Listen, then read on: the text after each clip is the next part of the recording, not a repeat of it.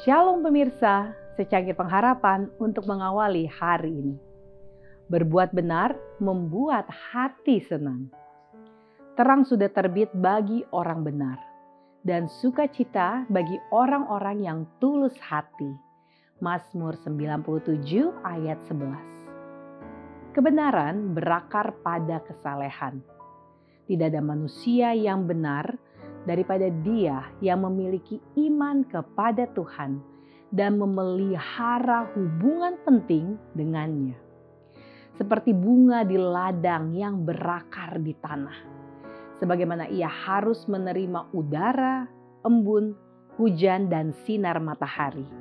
Demikian juga kita harus menerima dari Allah apa yang melayani kehidupan jiwa Testimonies for the Church, jilid 7, halaman 194. Kebenaran diperoleh bukan oleh pergumulan yang menyakitkan atau kerja keras yang melelahkan. Bukan oleh pemberian atau pengorbanan. Tetapi kebenaran secara cuma-cuma diberikan kepada setiap orang yang lapar dan dahaga untuk menerimanya. Khotbah di atas bukit halaman 28. Kebenaran adalah kasih, dan kasih adalah terang dan kehidupan Allah. Kebenaran Allah diwujudkan dalam Kristus.